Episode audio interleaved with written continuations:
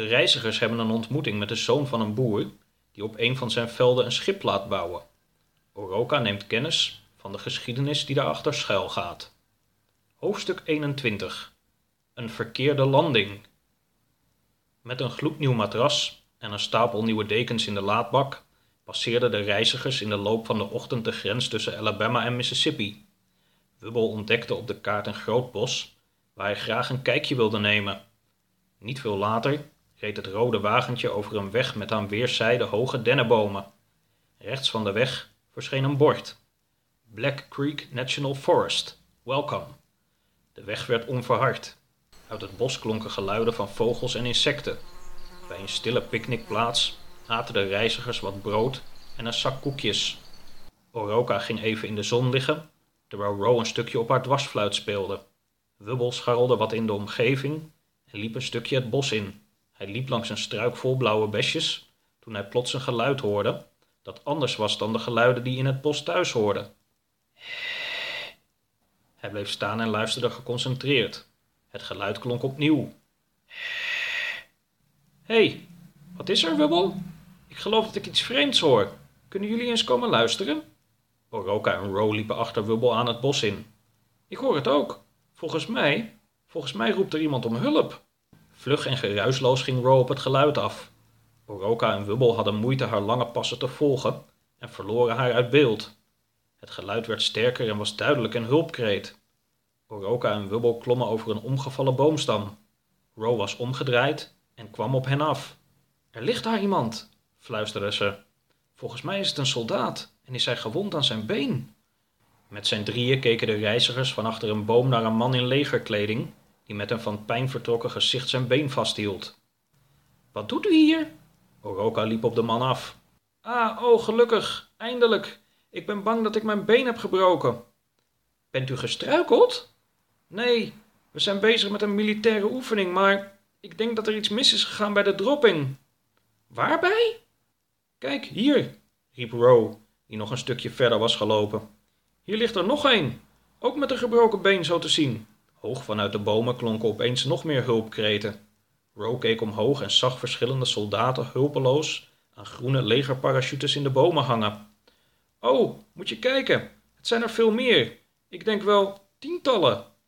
We zijn verkeerd geland, riep een soldaat die een dikke tak had weten te bereiken, waarop hij was gaan zitten. Wij zijn paratroepers van de 25e Infanteriedivisie, vierde gevechtseenheid. We zijn bezig met een militaire oefening. We hadden op onze basis moeten landen, maar er moet iets misgegaan zijn bij het coördineren van de operatie. Weten jullie waar we zijn? Dan kan ik dat doorgeven. De hulpdiensten zijn naar ons op zoek, maar we weten niet waar we zijn. Black Creek National Forest, riep Oroka. Wat zeg je? We zijn in Black Creek National Forest. De soldaat begon te bellen, terwijl de reizigers zo goed mogelijk uitlegden hoe ze het bos waren binnengereden en waar ze zich bevonden. Terwijl de hulpdiensten onderweg waren, sleepte Ro en Oroka het matras uit de laadbak van de auto naar de soldaten. Wubbel bleef bij de auto staan om de hulpdiensten bij aankomst de weg te kunnen wijzen. Oroka, die voor menselijke begrippen wonderbaarlijk goed bleek te kunnen klimmen, klom in verschillende bomen, waarin hij soldaten uit hun benarde posities bevrijdde door de touwen van hun parachutes door te bijten. Beneden sleepte Ro het matras van de ene naar de andere boom om te zorgen voor zachte landingen. Bevrijde soldaten begonnen hun gewonde kameraden op de grond eerste hulp te verlenen. In de verte klonken sirenes. Even later kwam Wubbel aangelopen, met achter hem een grote groep brandweer- en politiemannen.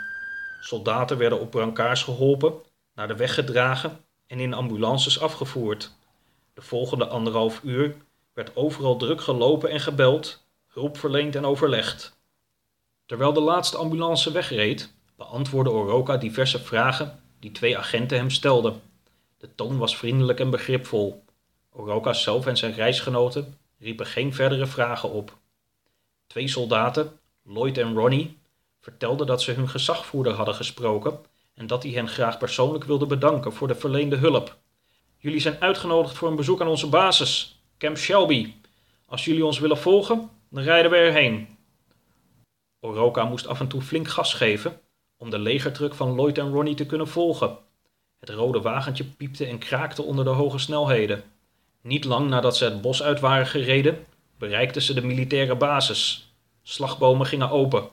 Een groot, open terrein met daarop verschillende rechthoekige kazernes en kantoorgebouwen werd zichtbaar. Lloyd en Ronnie parkeerden op een groot parkeerterrein waarop vele legervoertuigen stonden. Oroka volgde hun voorbeeld en parkeerde tussen twee tanks. De reizigers volgden Lloyd en Ronnie naar de ingang van een zacht rood, stenen gebouw. Binnen klopte Ronnie op de deur van een grote kantoorkamer.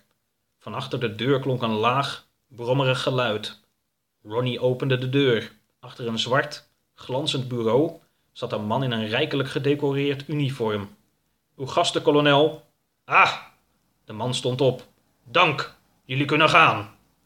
Lloyd en Ronnie salueerden, bogen het hoofd en verlieten de kamer. Zo, daar hebben we mijn eerste hulpverleners. Mijn first responders.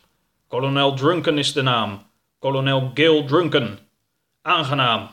De kolonel schudde Oroka en Rose stevig de hand en gaf Wubbel een ruwe aai. Jullie zullen wel raar op hebben gekeken daar in dat bos. Haha, ik had het graag zelf gezien. Wat een toestand. Ik hoorde dat ze aan hun parachutes in de bomen hingen. Ja, dat klopt. En sommigen lagen op de grond en hadden hun been gebroken. Ja, ik weet het. Ach ja, gebroken beentjes, gebroken ribbetjes, gebroken ditjes, gebroken datjes. Zo worden het langzaam, mannen. Kolonel Drunken nam een slok uit een klein glaasje. Weet u wat er mis is gegaan? Wat er mis is gegaan? Goede vraag. Misschien stond de wind niet helemaal goed, of is er ergens een cijfertje verkeerd gelezen. Wie zal het zeggen? Weet jij het, Sek? Nu pas zagen de reizigers dat er in de kamer, naast de kolonel, nog iemand aanwezig was.